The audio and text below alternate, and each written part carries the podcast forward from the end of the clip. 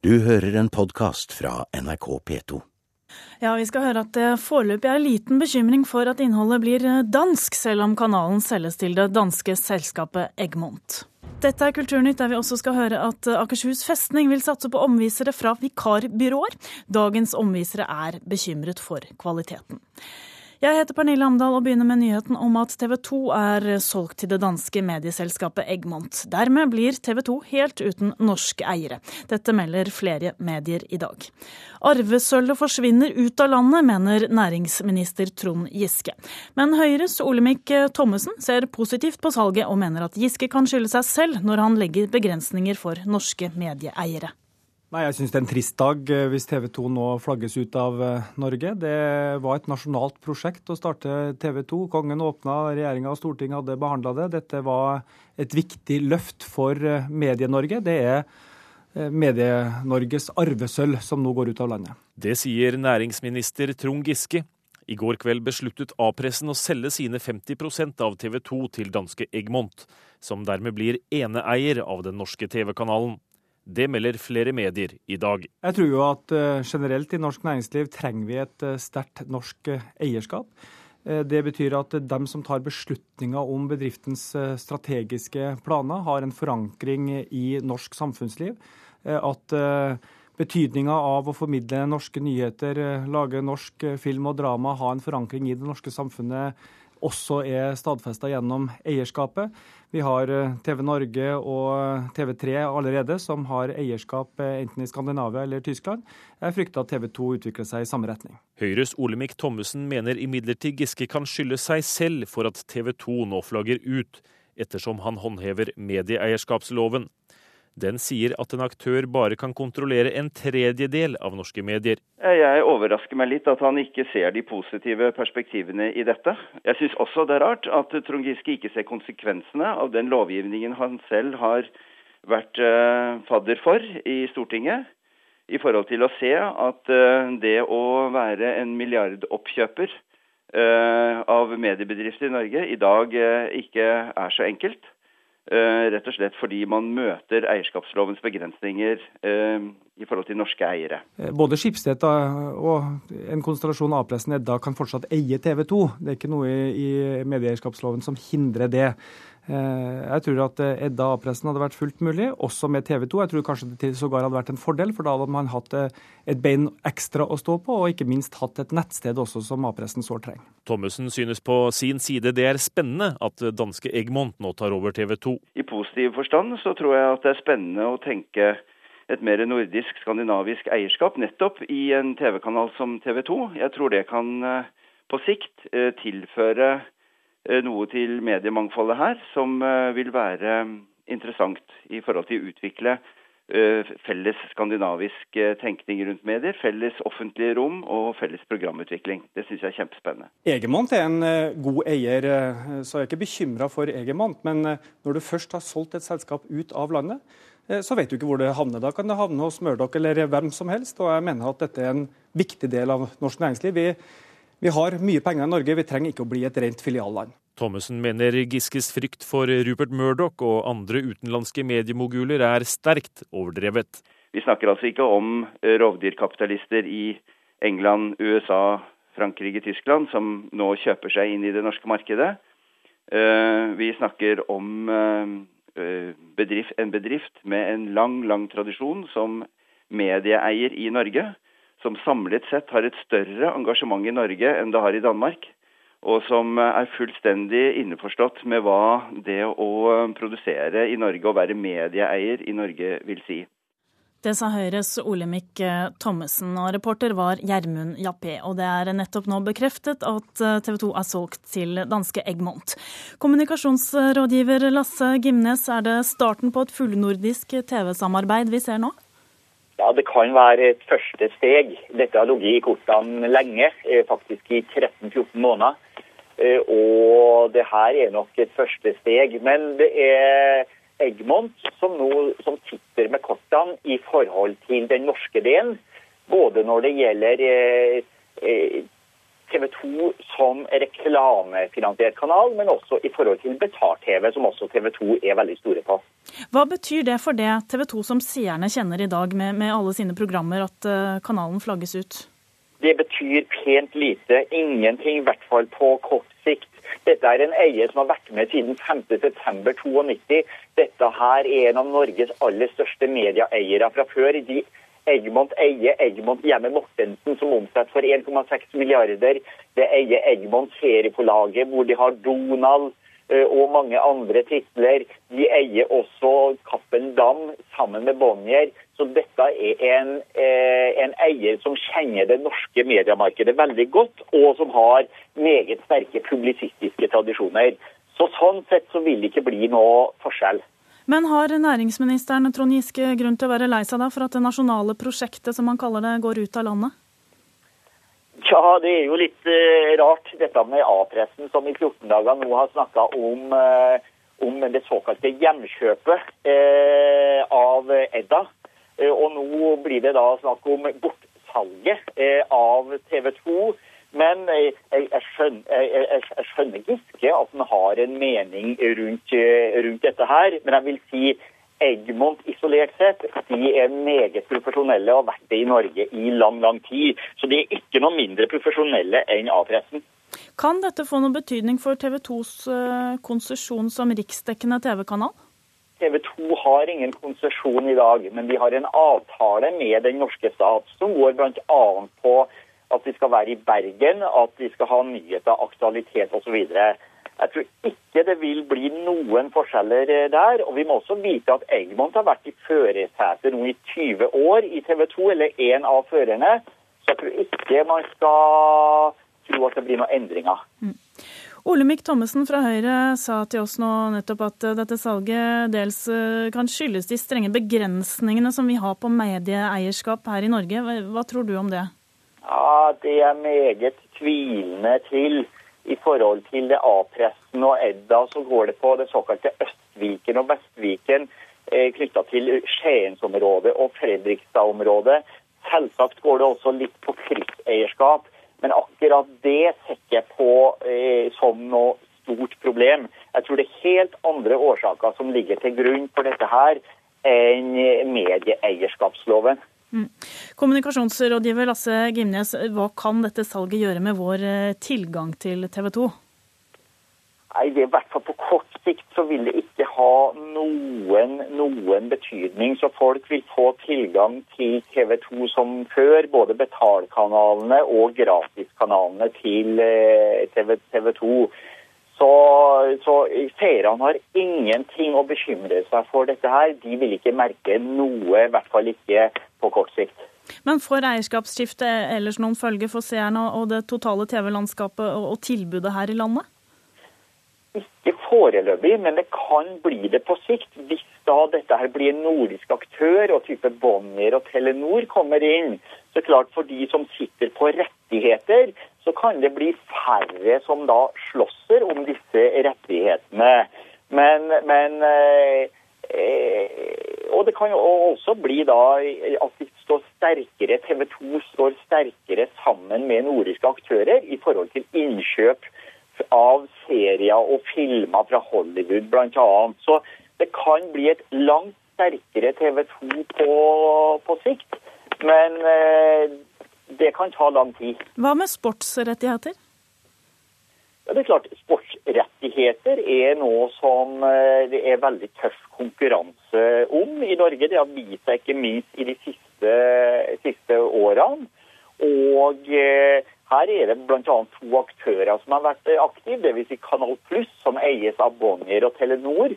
Og det er TV 2 som, eh, med, med sine respektive eiere. Og det er klart at på sikt, om en to-tre år, så kan det hende at de er ett og samme selskap. Men det vil tiden vise. Foreløpig så er TV 2 100 eh, eh, Egmont-eid. I hvert fall blir det det ganske snart. Takk skal du ha, kommunikasjonsrådgiver Lasse Gimnes.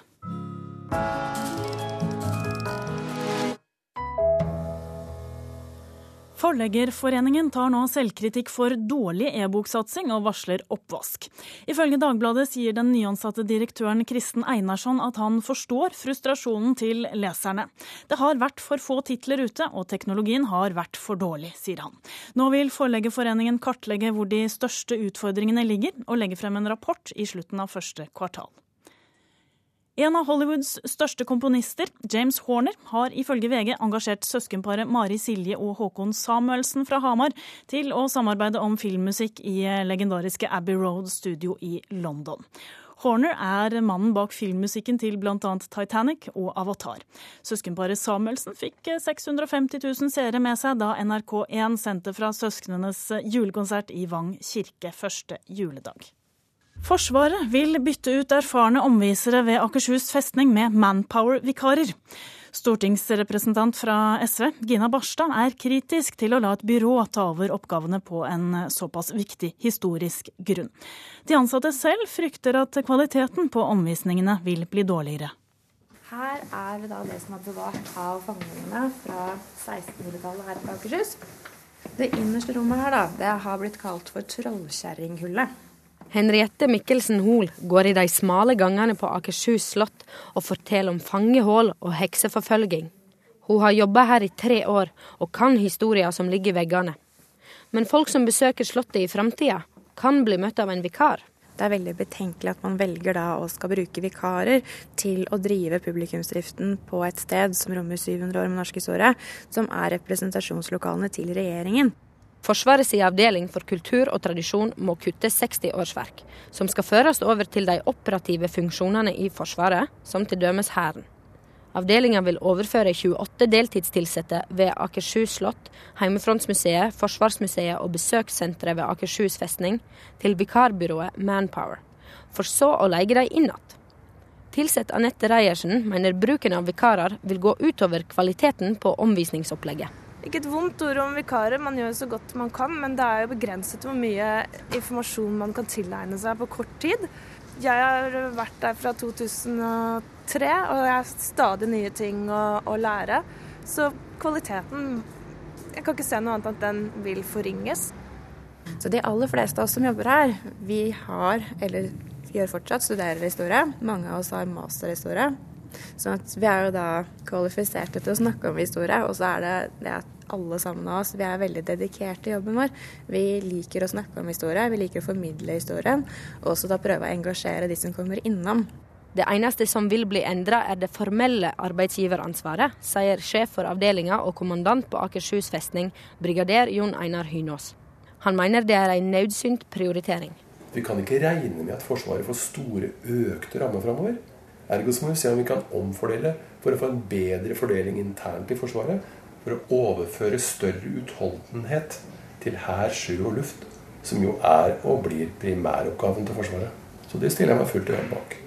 For å holde på kompetansen vil brigader Hynås at de ansatte kommer tilbake som vikarer. Jeg har forståelse for at de reagerer, ja, selvfølgelig gjør jeg det. Men det er nettopp derfor vi har som jeg sa, lagt til grunn en politikk overfor Manpower. Hvis denne løsningen blir valgt, at de ikke skal merke noe i det daglige. Det sies jo også at et av de mest skumle spøkelsene som bor nede i mørkegangen, det er malkanisen. Og malkanisen det er da en ulykkeshund. For det sies at hvis man møter på den, så venter ulykke. De ansatte kontakta si fagforening, som tok saka til Forsvarsstaben, der det nå blir handsama. Mange av dem vil ikke jobbe i et vikarbyrå under en rød-grønn regjering som har Akershus slott som sitt storsjø, så skal vi bli outsourcet til Manpower. Spørsmålstegn. jeg kan ikke si noe mer. Jeg får det ikke til å stemme. Forsvarsdepartementet vil ikke uttale seg i saka, fordi den ennå ikke er avgjort. Stortingsrepresentant fra SV i familie- og kulturkomiteen, Gina Barstad, skjønner at de ansatte er bekymra. Statlig forvaltning og statlige selskaper bør jo ha som mål å være best på godt arbeidsliv. Og, eh, så Derfor så syns jeg jo det er kanskje spesielt alvorlig når det er eh, Forsvaret og, staten sjøl som ikke eh, gir de ansatte skikkelige vilkår. Hvis du har folk som jobber fast, så har du også eh, bedre mulighet til å ta vare på kompetanse og ha kontinuitet på virksomheten. Og det må jo være en god ting. Enn så lenge fortsetter Henriette Mikkelsen Hoel å vise rundt på Akershus slott. Vi som jobber her, vi sier som regel at vi kan ikke tro på spøkelser, for det blir litt skummelt når man skal stenge her alene på kvelden. Hvordan blir det for vikarene, da? Det spørs hvordan de takler det. det var Henriette Mikkelsen Hoel som viste vår reporter Agnese Bremere rundt på Akershus slott. Og det skal fortsatt eh, handle om museer her i Nyhetsmorgen.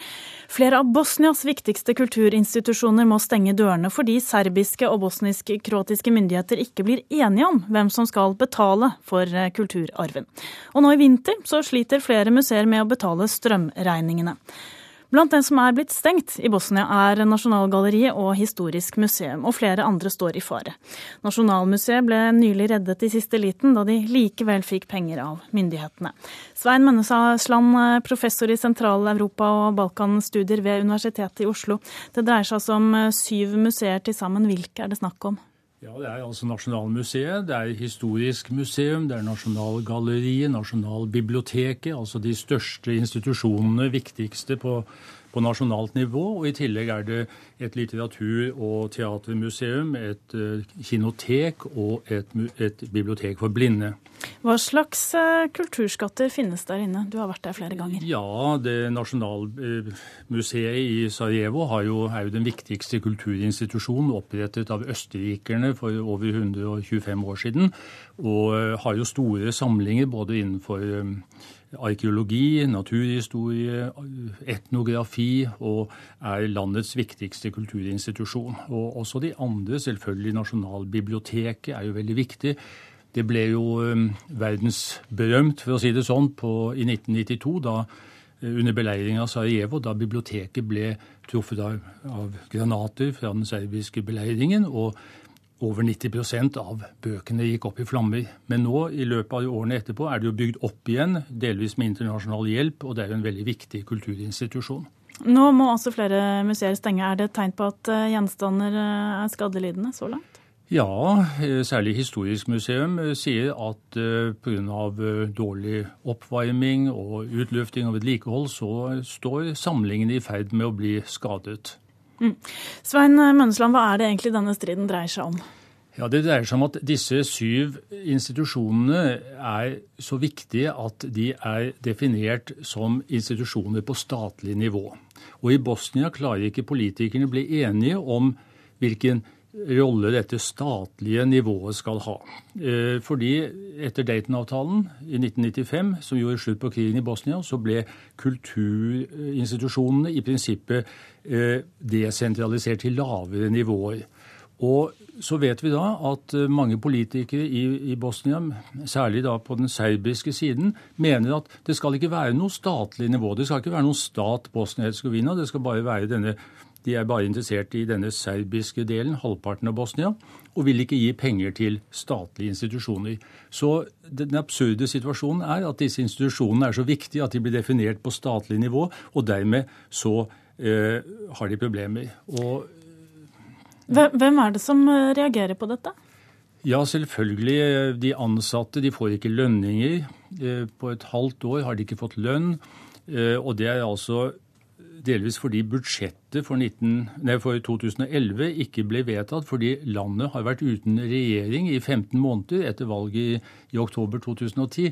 Og, øh, øh, men selvfølgelig reagerer også alle kulturpersonligheter i Bosnia. Syns dette er absurd. Det er jo ikke noe annet land i verden som kan finne på å stenge så sentrale kulturinstitusjoner pga. Øko økonomiske Eh, problemer. De, de, kritiserer politikerne, skammer seg over de politikerne de har i dette landet, som ikke klarer å få orden på, på politikken. Mm. Kulturministeren har likevel lovet en eh, løsning ganske snart. Har du tro på at det skjer? Eh, nei, fordi dette er bare en midlertidig løsning.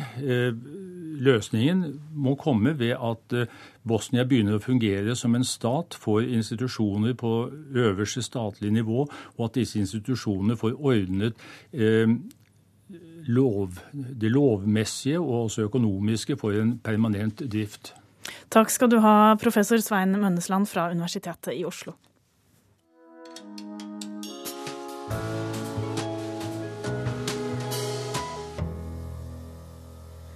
Den irske forfatteren Roddy Doyle er mest kjent for bøker som The Commitments, Sharons unge og Dama som gikk på dører.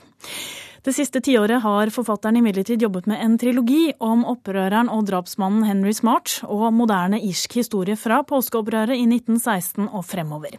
Nå er tredje bind ferdig med tittelen Den døde republikken.